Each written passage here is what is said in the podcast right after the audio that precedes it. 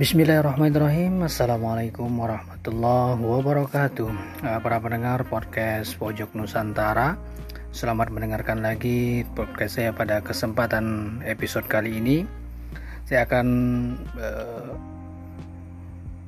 membawakan sebuah tema uh, terkait guru versus teknologi ya. Terkait keberadaan guru dengan uh, kemajuan teknologi Nah, ini mungkin merupakan suatu tema yang menurut saya perlu untuk terus didiskusikan dan mungkin e, menarik ya untuk kita pahami bagaimana e, apakah keberadaan guru itu akan suatu saat nanti akan digantikan oleh kemajuan teknologi atau sebaliknya e, keberadaan guru itu akan tetap eksis walaupun kemajuan teknologi itu berkembang dengan cepat.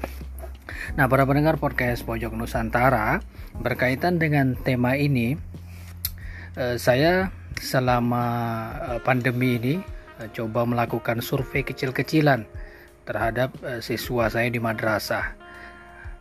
survei kecil-kecilan itu saya lakukan dengan cara melakukan semacam pertanyaan kepada beberapa sampel siswa saya.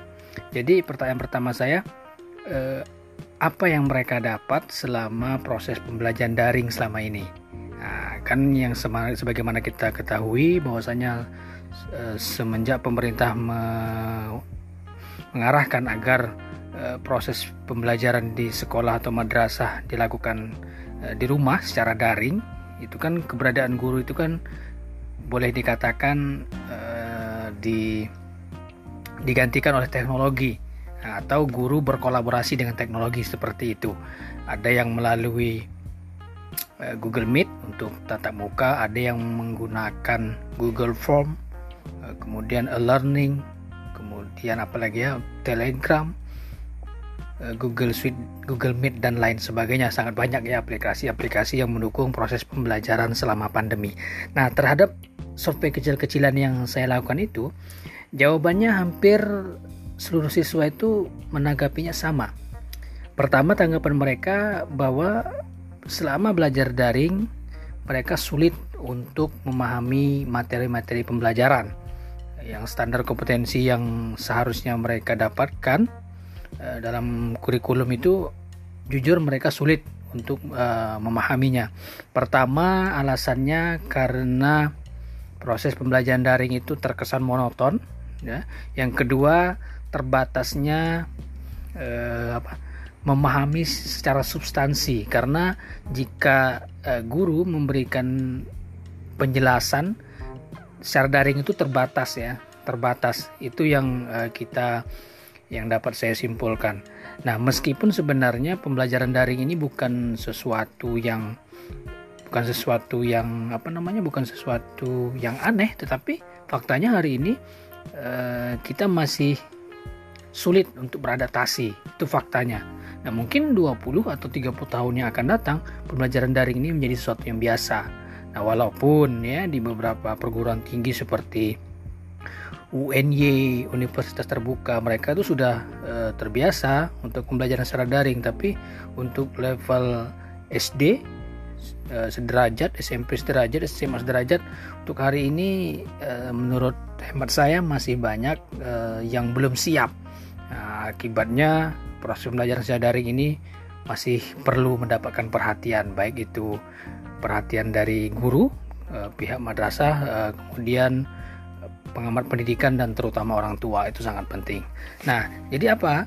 Keberadaan guru dan teknologi eh, di abad ke-21 yang kita kenal dengan era revolusi industri 4.0 yang ditandai dengan semua itu di semua itu melibatkan proses teknologi digitalisasi. Nah, keberadaan guru, baik kita kembali ke tema, lantas apakah keberadaan guru hari ini atau 20 30 tahun akan datang itu akan akan tergantikan.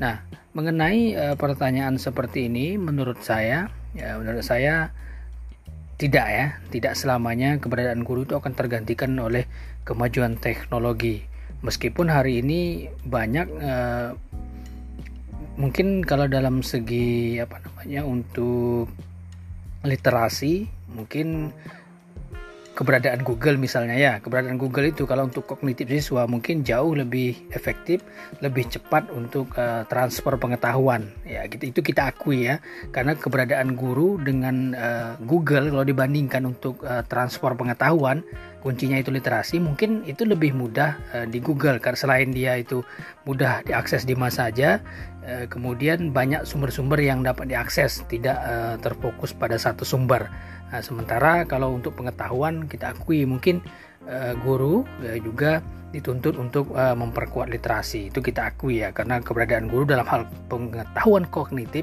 itu mungkin bisa dikalahkan teknologi.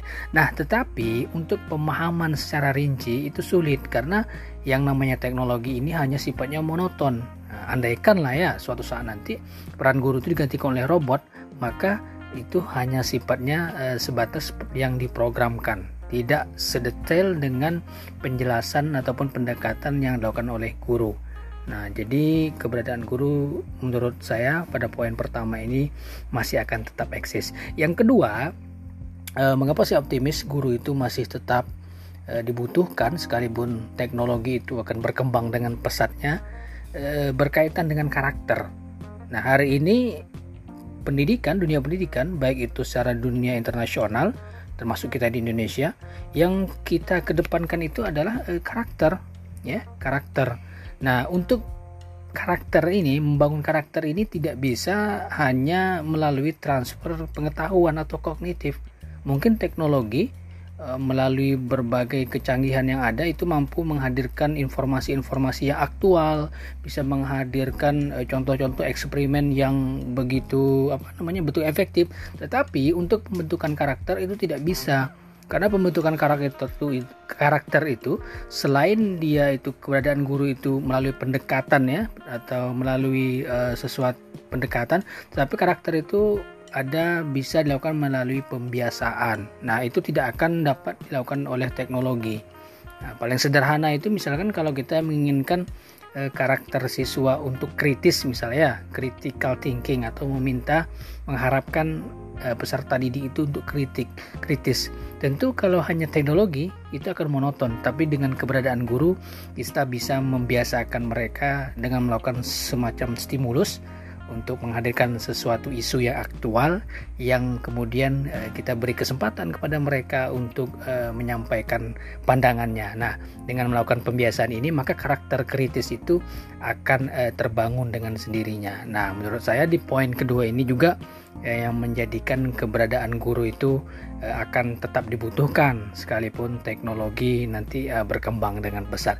Nah, yang ketiga menurut saya para pendengar podcast Pojok Nusantara yang menjadi alasan mengapa guru itu juga masih dibutuhkan uh, yaitu terkait dengan uh, keteladanan.